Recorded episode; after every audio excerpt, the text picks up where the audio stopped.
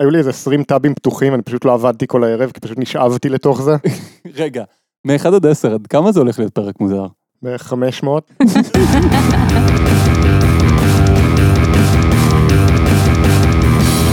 שלום לכולם, אני גל, איתי נמצאים חגי היי. וליבי. היי. למזק, למה זה קיים? המקום בו אנחנו שואלים את השאלה שהיא השם שלנו. והפעם, טלוס. למה זה קיים? אז אה, טלוס זה ארגון שהוא פועל בכמה מדינות, והמטרה שלו זה לקדם את הידידות בין בני אדם לציוויליזציית למוריה העתיקה. אוקיי. נשמע נהדר. כמו כן, למוריאנים?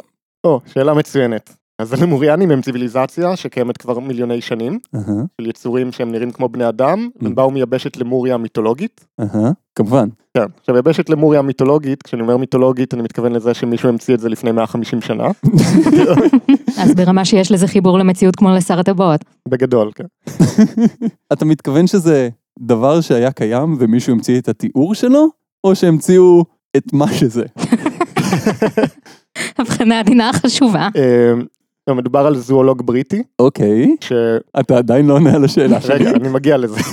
אוקיי, אז היה זואולוג בריטי בשם פיליפ סקלטר, מהמם, במאה ה-19 הוא שם לב שבין האי מדגסקר להודו יש הרבה מאפיינים שהם, יש ביניהם דמיון בטבע, כן. ואז הוא חשב שאולי הייתה איזה יבשת בשם למוריה, על שם הלמורים של מדגסקר, או, הקופים האלה. לא בדיוק קופים, זה זה אלה עם הזנב השחור לבן? ראינו כאלה לפני כמה חודשים, הם היו ממש חמודים, בספארי ברמת גן. כן, לא, בלונדון. גם. אותו דבר. בכל מקרה הוא חשב שהיבשת הזו אולי הייתה גשר יבשתי שקישר בין הודו למדגסקר. זה נשמע כמו תיאוריה שהיא לא כזאת מופרכת. זה אפילו היה סביר לפני שהבינו איך באמת כדור הארץ התחלק ליבשות. כן.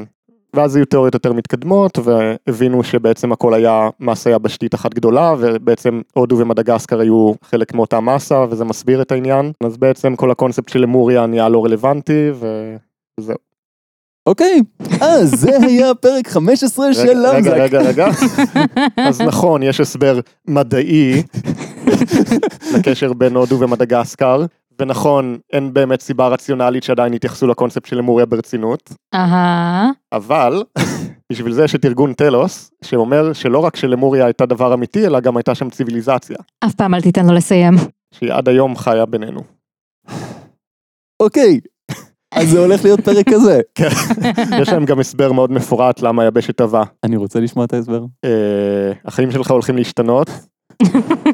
אני רק מבקש שתצא מהפריזמה של הרציונליות כמו שהם אומרים בבלוג שלהם. סיריסלי? הם אומרים את זה? כן מעולם לא שמעתי טיעון טוב שהתחיל בצא מהפריזמה של הרציונליות שלך. במאמר הזה אני לא מעוניין להתפלמס עם המדע ועם אנשים רציונליים במרכאות, בניסיון להוכיח דברים, אלא כותב על תופעת טלוס כעובדה קיימת, בעיקר אל מי שליבו כבר התחיל להיפתח והוא נמצא מחוץ לעיוות והצמצום של הבועה הרציונלית. הבועה הרציונלית. הבועה הרציונלית. טוב, אז בוא ספר לי על הלמוריאנים. אז ככה, הלמוריאנים חיו ביבשת למוריה במשך ארבע וחצי מיליון שנים, כביכול. ולפני כמה עשרות אלפי שנים אז הם החליטו לעבור מתחת לאדמה. אוקיי. הם חזו שהאנושות שהם היו שייכים אליה תיכנס לתקופה אפלה כשהיא מנותקת מהמקור האלוהי שלה ותחריב את עצמה. בעזרת טכנולוגיות של כל תדרים וקריסטלים, הם חפרו חללים ענקיים ובנו רשת של ערים תת-קרקעיות. כל תדרים וקריסטלים. גם קול וגם תדרים. היה כזה גזע בסטארגייט. הלמוריאנים הם מדברים ספציפית על סטארגייט בתור דבר. הם ממש מתייחסים לזה ברצינות שיש סטארגייט, שמוביל אותך לכוכבים. וואו. עכשיו אני תוהה אם יש קשר בין הדברים, כי... תראה, טכנית, עד היום אודיופילים משתמשים בקריסטלים בתור דרך לחפור. אז אלה מוריאנים. כן, הם חפרו מנהרות אהה. כדי להתרחק מהאנושות שתתנתק מהמקור האלוהי שלה, ו... ואז לפני 12 אלף שנה, אז הייתה מלחמה בין הלמוריאנים לתושבי אטלנטיס. מהמם. אטלנטיס. כן, אתה יודע, אטלנטיס, היבשת המפורסמת, כולם מכירים את אטלנטיס. האטלנטיס. כן, האטלנטיס מסטארגייט אטלנטיס. אני רואה פה משהו. כן, האטלנטיס מאינדיאנה ג'ונס והגורל של אטלנטיס. האטלנטיס מאקוואמן, בקיצור, האטלנטיס המפורסמת, המפורסמת בקיומה. כן, נלחמו בלמוריאנים. כן. אני- אני מקווה שהם ניצחו. לא, תראו, הלבוריאנים הם היו ידועים בזה שהם חיו עם הטבע ועם האלוהות והקריסטלים, והאלה של אטלנטיס היה להם טכנולוגיה ממש מתוחכמת. ואז הם רבו, כי האנשים של אטלנטיס הם היו גזענים והם רצו להשתלט על למוריה. אז הם התחילו להילחם, אהה. ואז אה, אטלנטיס הם השתמשו בנשק גרעיני. אה, כן, רגע, ב- אטלנטיס פיתחו נשק גרעיני. כן, זה obvious, כאילו. זה הדבר הראשון שאני הייתי עושה. אבל הם לא חשבו על השימוש בנשק גרעיני מתחת למים, וזה גרם לזה שהייתה רעידת אדמה של 15 בסולם ריכטר. סולם ריכטר לא מגיע רק עד עשר? זה מגיע עד 10, שזה מוגדר כאפיק, אהה. ומעולם לא הייתה רעידת אדמה מתועדת שהגיעה ל-10, נו ברור, כי זה היה הורס את ציוד התיעוד. אה, זה- מאוד נוח. אה, מבחינתי הכל מסתדר, אני לא יודעת למה אתם כל כך צרי מוחין. להגיד 15 בסולם ריכטר זה כמו להגיד קיבלתי 100 בפסיכומטרי, זה פשוט לא איך שהסקאלה עובדת. כנראה שיש איזושהי קורלציה בין האנשים שיגידו את זה ואנשים שיגידו את ההוא. האמת זה יותר כמו להגיד קיבלתי מיליון בפסיכומטרי. יש לי פרופיל 500. כאילו. טוב, אני לא מבינה למה אי אפשר שסולם ריכטר יגיע ל-15 ולכן מבחינתי הכל עד כה הגיוני לגמרי. אז אחרי הפצצה גרעינית, עם רעידת אדמה שהיא 15 בסולם ריכטר שמגיע עד 10, אהה. הלמוריאנים לא מתו. לא, עדיין נשארו קצת. כמה זה קצת, השניים שהיו בטיול בהודו בדיוק באותו רגע? לא, נשארו איזה 20 אלף שהם הבינו שהולכת להיות מלחמה. 20 אלף. כן, בגלל זה הם עברו לעיר תת-קרקעית, כי היה להם תחזית שזה מה שהולך לקרות. אה, נו, למה לא אמרת? בגלל טכנולוגיה, שהטכנולוגיה הולכת להשמיד אותם. אני רוצה לשאול איך הם ידעו? אה, לא. אוקיי. אז הלמוריאנים שנשארו, אז הם פשוט החליטו לעבור לפלנטות שונות במערכת השמש, אה, כמובן. והם הקימו עיר תת-קרקעית בקליפורניה, אמ, מתחת להר שסטה. קליפורניה שידועה בזה שאין בה רעידות אדמה אף פעם, הייתי מצפה שהם ילמדו בשלב הזה. אוקיי, אז עכשיו לא רק שהם טועים מאוד לגבי הגיאוגרפיה של כדור הארץ ומה שצריך כדי לחיות, אז עכשיו הם מיישבים גם פלנטות אחרות שידועות בזה שאפשר לחיות מהן. אז פלנטות? כן, הם אפילו מפרטים. למעשה כמעט כל הפלנטות במערכת השמש שלנו מאוכלסות בציוויליזציות שחיות בחללים המוגנים מתחת לפני השטח, כאשר הם מייצרים גן עדן שבו תנאי חיים וטבע מדהימים הדומים לאלו שעל פני האדמה. אהה. רוב הציוויליזציות האלו כבר התעלו לתודעת המימד החמישי, אה, כך שהן יכולות להיות נסתרות מהטלסקופים של המתבוננים מהמימד השלישי שבו אנו חיים. אה, ידעתי שאני במימד המאפן, הממד החמישי זה לא איזה מועדון בנמל לילדים בני 12. זה מה שאתה חושב, וואו, זה מסביר כל כך הרבה על בני נוער. מה יש להסביר לבני נוער? לא, אבל תראה, כדי להגיע למימד החמישי זה מאוד פשוט. הם מסבירים איך? כן, כדי להגיע למימד החמישי אתה צריך לגרום למולקולות שלך לרטוט בתדר גבוה יותר מהמימד השלישי. אה, שני דברים. אוקיי, אחד, אהה, זוהי לא הדרך בה עובדים מימדים. שתיים, היי בובה, רוצה להגיע איתי למימד החמישי?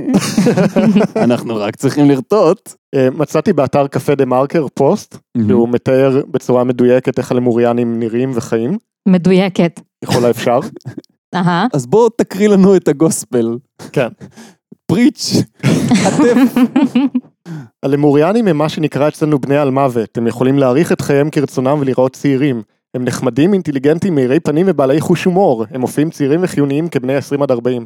אני נורא רוצה את הפרופיל אוקי קיופיד של הלמוריאנים, הם נחמדים, אינטליגנטים, אוהבים טיולים ארוכים על החוף. החוף הלמוריאני מתחת לאדמה. כן, האמת שאין להם חוף. וואו, זה כזה, זהו, לא- לא אוהבים נשק גרעיני, turn on. מכיוון שתבניות הגוף שלנו זהות, אנו יכולים להגיע לאותו מיצוי פוטנציאל מופלא של הגוף הפיזי והרגשי כשם שהלמוריאנים הגיעו אליו, כאשר נעלה את התדרים שלנו. נעלה את התדרים שלנו, נעלה את התדר... תדר. זה אחד חלקי זמן, זה כל מה שזה אומר. אז תעלה את זה לשתיים חלקי זמן. מה הבעיה? מה שאמר- אולי אפילו שלוש. מה, לא רואה מה הבעיה פה. שברנו את גל. אם יש פיזיקאים או מתמטיקאים שמאזינים לנו עכשיו, ועדיין לא התאבדו. אני מתנצל. התדר של סיבוב כדור הארץ סביב עצמו הוא 1 חלקי 24 שעות. זה הגיוני. התדר של בן אדם זה לא הגיוני. זה לא מוגדר. כן, מכל זה זה מה שהכי מפריע לך. כן. אבל לא, מה- מה התדר של המחזוריות שבה אתה עולה למימד החמישי? תמות בסדר.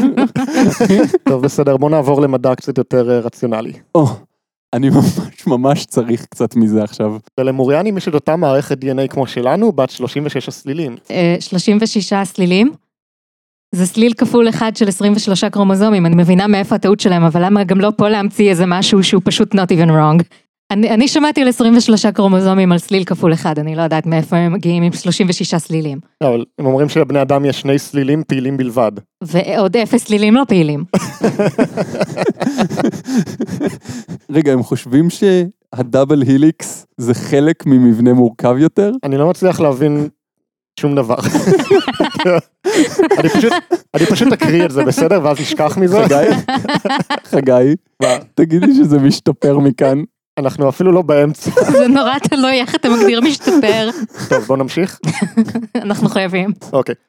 בעקבות התערבות גנטית ה-DNA אצל בני האדם בעבר הרחוק צומצם לשני סלילים פעילים בלבד זה מה שהם אומרים. מי הפס- מי הפסיד בהתערבות הגנטית הזאת? אני מניח שבני האדם. וואו. אצל הלמוריאנים ישנם 12 סלילים פעילים ויותר לכן הם מסוגלים לתפעל את הפוטנציאל המלא שלהם. חשבתי שיש להם 36. אני לא יודע כבר. הם, הם סותרים את עצמם באותה פסקה כאילו. באותו משפט ייתכן ובאותה מילה. פייר, הם אמרו 12 סלילים ויותר. כן. אז טכנית הם בסדר, אפשר להמשיך. כן, אבל ההסבר המדעי ממשיך מפה. אוקיי. בעידן למוריה הישנה היה לכל בני אדם להבת חיים של לב אלוהי בקוטר של שלושה מטרים. זה לא הסבר, זה לא מדעי, אני לא יודעת מה זה. להבת חיים של לב אלוהי בקוטר שלושה מטרים. אני יודע מה כל אחת מהמילים האלה אומרות. אני לא יודע מה המשפט הזה אומר. אז בוא אני אסביר לך. בעצם אני לא יכול להסביר לך כי הם לא מסבירים באמת, אבל הם פשוט מתייחסים לזה בתור דבר שקרה. טוב, אוקיי. עם הצמצום והנפילה נשארה לבני אדם להבה אלוהית בת מילימטרים בודדים, אבל הלמוריאנים שמרו על הלהבה המלאה שלהם. אני לא מאמינה שהם נשארו עם הקלישאה הזאת של הנפילה מגן עדן אחרי שהם יטרחו להמציא את כל השטויות האלה. כן. אם הם חוזרים לאותו מקום כמו הנצרות, פשוט יהיו נוצרים. אם הלהבה היא מילימטרים, אהה, ממש אפשר למדוד אותה. כפי שמדדו, יצא שזה מילימטרים. עם הלהבומטר שלך. מנתחים, מהמם. פתחו בני אדם חיים. כן. בעודם חיים. כן. הם ראו את הלהבה הזאת? אולי במימד החמישי. כאשר הלמוריאנים רוצים לסיים את ההרפתקה שלהם במימד הזה וללכת להתפתח ביקום אחר, הם אינם מתים, הם יכולים לעלות כעליית אליהו השמיימה ולקחת איתם את גופם ליקום אחר. זה היה בסטארגייט. אתה יודע, אני, אני לא אופתע אם יש באמת קשר בין הסדרה סטארגייט לאיכשהו למיתולוגיה הזאת. הראיות המכריעות אומרות שכן. אמ, עכשיו, בנוסף לזה שהם יכולים לעבור ליקום אחר מתי שהם רוצים, אוקיי. הלמוריאנים חיים בבתים עגולים, נהנים מבריאות נהדרת ומחיי חברה פעילים. בתים עגולים. אני שמעתי על זה פעם. לא היה את האוסטרי ההוא מפרק 10 שלא נתנו לו לגור בבית עגול אז הוא הכריז על עצמו כמדינה עצמאית? אתה חושב שיש קשר בין הדברים? חייב להיות קשר בין הדברים, אחרת זה פשוט צירוף מקרים יותר מדי גדול. הם גרים בבית עגול, כן. ואוסטרי זה גר בבית עגול. אהה. אני חושבת שמצאנו את הקשר של כל זה למציאות. אה, אוקיי. זה היה ברור מאליו עכשיו כן. שחושבים על זה.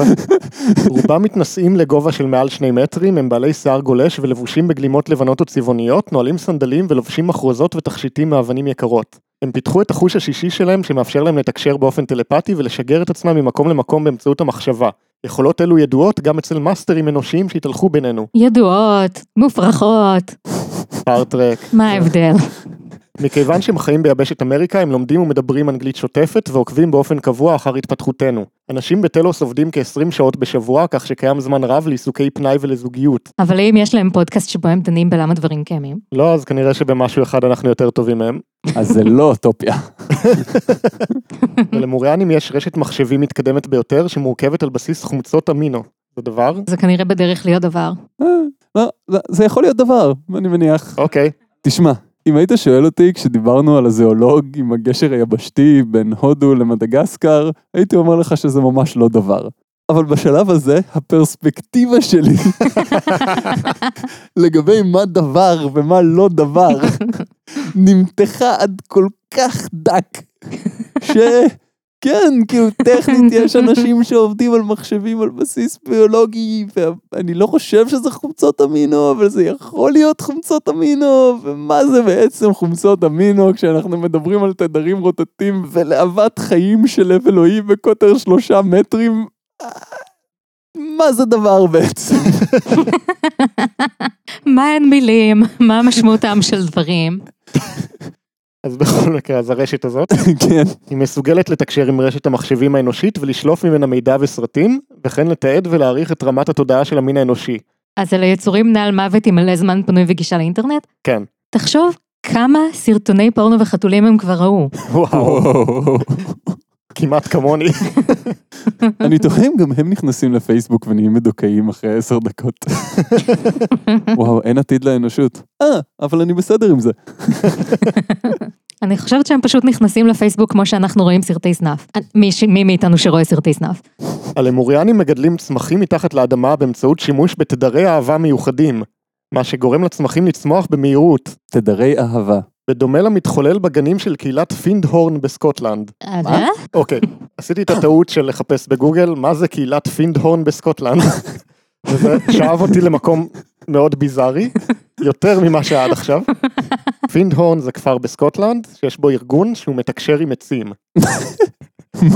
מתקשר עם עצים, לא כן. עם מתים. עצים, כן, הדבר הזה שצומח ביער. או מתחת לאדמה אם אתה למוריאני. הם לומדים איך ליצור קשר עם עצים ולהקשיב למה שהם אומרים, ויש להם באתר מונולוגים של עצים שהם תקשרו איתם. כאילו הם ממש מתארים איזה עץ ומה היה לו להגיד. למשל הם תקשרו עם עץ הג'רבה מטה, שזה עץ שמפיקים ממנו עלים למשקה חם. ומה היה לעץ הזה לומר? אל תיקחו את העלים שלי ותעשו מהם תה? אתה לא רחוק. באמת? הוא אמר, אתם שותים אותנו ואנחנו נכנסים לכם לגוף. היינו מעדיפים להיכנס לכם אל הלב והרוח כדי שתתייחסו אלינו כאחים ואחיות. אני לא הולך לשתות יותר תה אף פעם אגב. היה גם עץ אחד שאמר שהעץ הנדיב זה ממש כאילו הוצאת דיבה. הוא קרא את הספר? הוא ראה ממה הנייר עשוי? או שהוא שמע את זה באודיובוק, עצים הם, הם מאוד תומכים במהפכת הדיגיטל. אפשר להאשים אותם? שמו לו אוזניות על העץ, עם דן כנר מקריא את העץ הנדיב. וואו. הם, הם מסבירים איך אתה מתקשר עם עצים. אהה. אתה צריך קודם כל ליצור איתם מערכת יחסים הדדית ולא להתייחס אליהם בתור עצמים דוממים. זאת הבעיה הראשונה. גם סטפ וואן. הם אפילו נותנים תרגילים שמלמדים אותך איך לעשות מערכת יחסים הדדית עם עץ. תרגילים. כן. ליצור מערכת יחסים. כן. עם עץ. כן, הדדית. לפחות אחת מהמילים האלה היא לא נכונה. אפשר לעשות עם זה מערכת יחסים שהיא מאוד מפרה. אה, אה. כאילו, מתייחסים לזה בתור הביסוס הריאלי והדוגמאות מהעולם האמיתי. כן. זה החיי היום-יום שלהם. כן, הטיעון שלהם לא כזה מופרך. זאת אומרת, סך הכל, אם בני אדם יכולים לתקשר עם עצים, אז מן הסתם שגם הלמוריאנים, שהם תרבות הרבה יותר מתקדמת, יכולים לעשות את זה גם כן. אני מסכים. אם בני אדם יכולים לתקשר עם עצים, אז כן, ווטאבר, גם הלמוריאנים יכולים. אם בני אדם יכולים לתקשר עם עצים, אז הרבה דברים נכונים. בואו נמשיך. באופן ריק אני מסכים. תראה, התקשור עם עצים בא מאתר שיש בו מאמרים כמו איך לתקשר עם לביאות וסוסים כמנהיגים רוחניים. כאילו, אני יודע שזה כנראה בולשיט, אבל אני ממש רוצה שזה יהיה נכון. סוסים כמנהיגים רוחניים. טוב, מה זה מנהיג רוחני בעצם? אני לא יודע, אני לא נכנסתי לקישור הזה, כי אני לא רוצה להרוס לעצמי את מה אומרת הכותרת סוסים כמנהיגים רוחניים. זה לא- זה לא יכול להיות יותר טוב ממה שבראש שלי. קודם כל זה יכול להיות הרבה יותר טוב ממה שבראש שלך אם הפרק הזה מוכיח משהו. אז הלמוריאנים. כן. גרים מתחת לאדמה, בהר ספציפי. כן, בהר שסטה. אנחנו יודעים איפה ההר הזה נמצא, כאילו, אנשים מגיעים לשם כל הזמן לטייל. ויש לנו מכונות חפירה. אני מניח, כאילו לי אין, אבל כאנושות, כן. כן. אז אנחנו יכולים להגיע אליהם. זה לא נשמע לי מסובך. תיאוריה כן, אבל הם לא רוצים ליצור איתנו קשר כרגע. תראה, טכנולוגיה מתקדמת זה דבר יפה, אבל לא משנה כמה רומבות ואייפונים יש לך בבית, אם אני אבוא עם בולדוזר אני אראה אותך. אתה יודע, הם במימד החמישי, אנחנו לא מסוגלים לראות אותם. כאילו, זה ההסבר, זה לא בדיחה. זה לא חבר דמיוני, הוא פשוט לא רוצה לראות אותך עכשיו. כן, לא, זה חבר דמיוני ממש מעפן. אה. הם כרגע מתחבאים מאיתנו, הם חושבים מהמם. שאנחנו ברברים, מהמם. והם לא רוצים שאנחנו נקלקל אותם עם התאוות בצע שלנו, והאהבה שלנו למלחמות, כי הם פציפיסטים. אהה. הם מודדים את רמת האהבה והחמלה של בני האנוש, וכשאנחנו נגיע ל-90% אז הם יצאו וידברו איתנו. כרגע אנחנו על 65% לפי הערכה מלפני 10 שנים. אני לא יודע איך זה נמדד, ואני די בטוח שאנחנו לא ב-65% אהבה וחמלה של המין האנושי. 2009 האמת, היה איזה מישהו שעשה סיבוב ונתן לי טרמפ עד הבית ב-2009. זאת הייתה שנה טובה למין האנושי. כן, כן. אז בזכותו אנחנו קפצנו ל-65 אחוז? אני מדמיין את הגרף שיש כזה מין ספייק ענקי. איזה קפיצה כזאת ב-2009, היום שבו קיבלתי טרמפ. ואז צנח חזרה כי הגעתי. כן, אה, אז אם מישהו רוצה להקפיץ אותי הביתה, שתדעו. על המוריינים מחכים. הם אמנם מתחבאים איתנו, אבל תשמחו לדעת שיש אנשים בודדים שהם נחשבים למספיק מוארים, אז הם מקבלים הזמנה אישית לבוא לבקר אותם בטלוס, ולפגוש את הכהן הגדול שלהם. יש לשם שאטל, נכון? הם מקבלים טרמפ? אולי זה מה שגרם להם להגיע ל-90% האלה. וואו, אני באמת לא יודע איך מגיעים לשם, כאילו. מישהי שפגשה אותם, היא קוראת לעצמה מאיה בפורום אמת אחרת, שזה אתר שאנחנו חייבים יום אחד לעשות עליו פרק שלם, אבל וואו. אמת אחרת. איך קוראים לדבר שהוא אחרת מהאמת? עובדות אלטרנטיביות. טעות. היא קיבלה הזמנה אה, להיפגש עם המוריינים, והיא כתבה על זה דיווח, אמי קיבלה את ההזמנה דרך עץ. דרך הסוס, המנהיג הרוחני של הסוס. אני הייתי שם ואני יודעת שהם חיים וכל זה אמיתי. אם הייתי יכולה לקחת אתכם לשם הייתי לוקחת, אבל אסור לי. אני גם נפגשת איתם כל הזמן, הם ישויות מקסימות ומתוקות, הם חיים חיי אושר, הייתי שם מלא פעמים. כן, אה, חברה שלי מבית ספר אחר, אתה לא, אתה לא מכיר אותה. שני מטר ארבעים זה הגובה הבסיסי שם, הגוף הפיזי שלהם זורח מאור מבפנים. הם לימדו אותי מלא דברים חמודים ומעניינים. חמודים ומעניינים.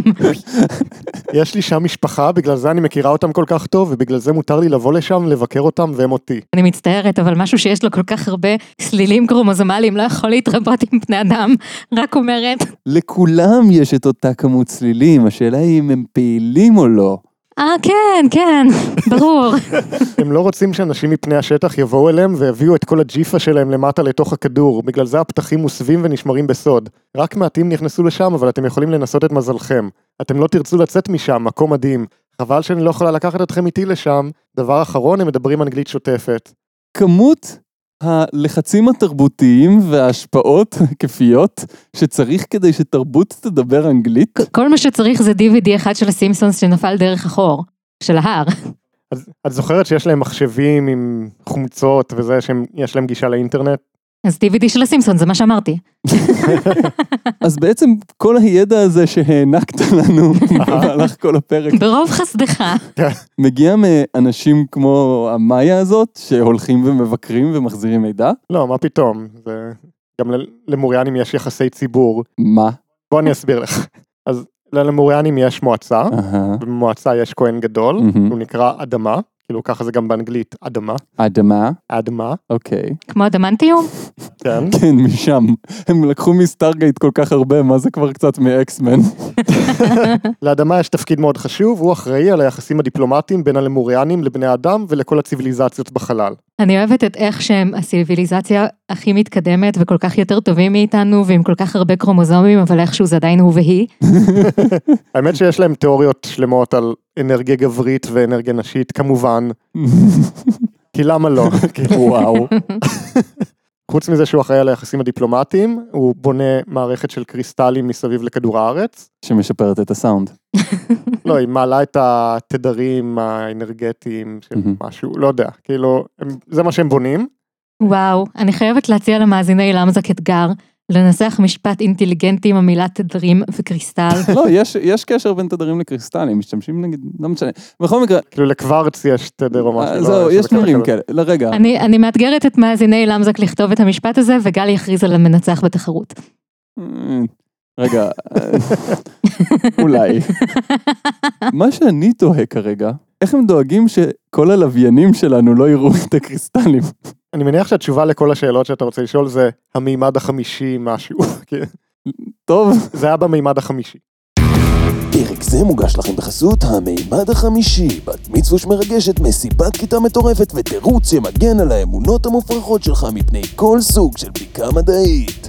המימד החמישי, רק תרטוט ב-111.7 מגה הרץ, ואתה שם. עכשיו, אה, אדמה לא עושה את כל העבודה הזאת לבד, כן? בוודאי, זה הרי יהיה מגוחך. לפי הביוגרפיה שלו הוא נעזר לשם כך בישו, בודהה ומנהיגים אחרים. הביוגרפיה שלו, כן, יש לו גם ביוגרף. כאילו מישהו אני מגיע לזה, בסדר? יש לו ביוגרפיה שמישהו כתב, שהוא יכול לעשות לנו תקציר של א', הביוגרפיה שלו. כן, אוקיי, רגע, א', לא ביוגרפיה, אלא כאן אני נשברתי. לא ביוגרפיה, אלא סדרה שלמה של ספרים. אוקיי, כל משפט שאמרת עכשיו הוא פרק. כל משפט פה הוא פרק. אגב, הם לא אומרים ישו, אלא אומרים The Planetary Jesus, כאילו בניגוד לישו האינטרגלקטי או משהו. ישו הפלנטרי, מה? אני לא יודעת אם זה כפירה או נצרות אדוקה, אבל מה שהכי מצחיק אותי זה שהם אומרים ומנהיגים רוחניים אחרים. וכאילו, איזה באסה זה להיות מנהיג רוחני ואז שמים אותך באחרים. מיסלניאס. אתה יודע מי המנהיגים הרוחניים הכי טובים? מ- סוסים. נכון. הכל מתחבר. ישו, בודה וסוסים. אוקיי, אז כחלק מהיחסים הדיפלומטיים של אדמה עם בני אדם, אז הוא מתקשר עם אנשים מסוימים, בדרך כלל כל מיני אנשי ניו אייג' משום מה. אני תוהה למה. כן. אם הוא באמת מנסה לשפר את האמינות שלהם, אולי כדאי שהוא יתחיל לדבר עם אנשים במכון ויצמן, או בסרן, או... אתה יודע, אמינות זה לאו דווקא האמת מידה הכי טובה לאמינות. יש המון דברים שהם יותר חשובים מלהיות אמין בין האנשים המיניים. אתה, אל תבלבל אותי עם הרציונליות שלך. אני פשוט אומרת שהפריזמה שלך היא צרה מדי, והיא לא קריסטלית מספיק, אני- בדיוק, התדרים צריכים לעלות, או לרדת. אחד משניהם. המוח שלי כן. It's all נמס. good. וואו, ממש נמס. ועוד לא הגענו ל... כאילו, וואו, טוב, אני לא יכולה יותר. גם את מתה, כאילו. אני מרגישה שעכשיו אני מבינה פחות ממה שאני הבנתי אי פעם על כל נושא שהוא. לא, אבל רציתי לצטט לכם את אחד המסרים שהאדמה העביר לה בתקשור. אתה יכול שלא. אני יכול שלא, אבל אתה יודע. מברך אני את המסע היוצא מתלוס למוריה ישראל, הוא המסכם את תדר האור אשר הגיע ושטף את שסטה מארץ הקודש. כיום עיר האור תלוס התרחבה ונושקת אל הממדים השמיני ואף יותר. וואו, אז עכשיו אנחנו יודעים שיש לפחות שמונה מימדים. שערי עיר האור ירושלים נפתחים ומזמנים אתכם להגיע ולשאת תפילה מלבכם המקודש לשלום. שערי עיר האור בלוקסור נפתחים ומזמנים אתכם לבית הספר למסתורין בלוקסור. לוקסור, נכון? מה אתה שואל אותי? מה? להערת הגוף המנטלי בידע הטמון בתוככם. שערי עיר האור באגם טיטיקקה נפתחים, לפתוח את שערי החמלה והרחמים. היהי, טיטיקקה. אה, אלו ימי האחדות בין ערי האור במעמקי כדור הארץ. המזרח התיכון חווה את שחרור השחור, אך ימים אלו עומדים להסתיים. דור חדש נולד והוא יישא את השלום בכפיו. מדינות ערב יבנו מחדש את השיח עם ישראל וההפריה ההדדית תהיה עצומה. האם אתם יכולים להאמין כי המזרח התיכון הוא אשר יוביל את פני העולם קדימה? לא כל כך, לא יודע. חגי, אה. סיימנו את התוכן של הפרק, נכון? אה, אנחנו באמצע. מה? כן. ת- תראה לי את זה, תראה לי את זה. God damn it. זה ממשיך! זה זה לא נגמר, עוד לא הגענו. תקשיב, אה, יש פה תוכן לעוד פרק שלם לפחות. אוקיי, אז עושים עוד פרק. אז זה היה פרק 15 א', פרק 15 של למזק. אה, שבו לא למדנו כלום. שבו איבדנו ידע. חגי, תכננת שזה יהיה יותר מפרק אחד? לא, אני פשוט פתחתי את כל הטאבים בעולם. ש- כל התוצאות למילה למוריה. תבטיח לי בבקשה שזה ייגמר בשני פרקים. אני לא יכול להבטיח דבר כזה. אתם מאזינים ללמזק, שזה ראשי תיבות של למוריה זה קול. חוץ מזה, אה, קיבלתי כמה תגובות שמשהו שאמרתי בפרק הקודם פגע בכמה אנשים. אה, רציתי להתנצל. אני אמרתי, יש לי כבר מדף מלא ספרים, למה קניתי עוד ספרים? ומסתבר שיש הרבה אנשים שהרגישו שאני תוקף אותם באופן מאוד אישי. כן, אני ביניהם. אז אני מתנצל. לא תכננתי לגרום לכם להרגיש רע לגבי הדברים שאתם בבירור עושים לא בסדר. חוץ מזה, חוץ מזה, אה, אנחנו רוצים להגיד תודה לאלעד לרנר, שסיפר לנו על הדבר הזה. תודה, מעטפת האנטרקס, you name it. הסיפור הוא שהוא קיבל פרסומת לארגון טלוס בפייסבוק, וואלה, ואז הוא שלח לי את הלינק, הוא אמר, אה, זה מצחיק כזה, אולי תעשו על זה, זה אייטם ללמזק, ואז הוא, הוא לא ידע על אייטם. כלום ממה שאני סיפרתי בפרק הזה, הוא רק ידע שיש מין ארגון כזה, ושמאמינים באיזה משהו. הוא פשוט הראה לך חתיכה של חוט שבולטת לך מהשרוול בסוודר, ומפה לשם אתה פשוט פרמת את כולו והמשכת למכנסיים. אז, זה היה הפרק ה-15 של למזק, בו למדנו שאם לא עוברים עם חגי על החומר של הפרק לפני הפרק, צריך עוד פרק. אז... אה, ביי! ביי. ביי.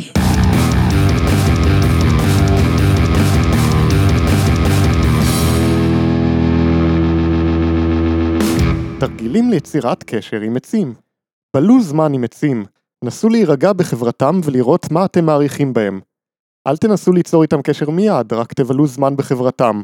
הסתכלו עליהם בעיניים אוהבות ומעריכות ודמיינו את עצמכם סופגים את האנרגיות שהם מפיצים. אין צורך לחפש חוויה מיוחדת, רק הכירו תודה וכך תוכלו לטוות קשר עתידי שאולי יפרח לתקשורת של ממש.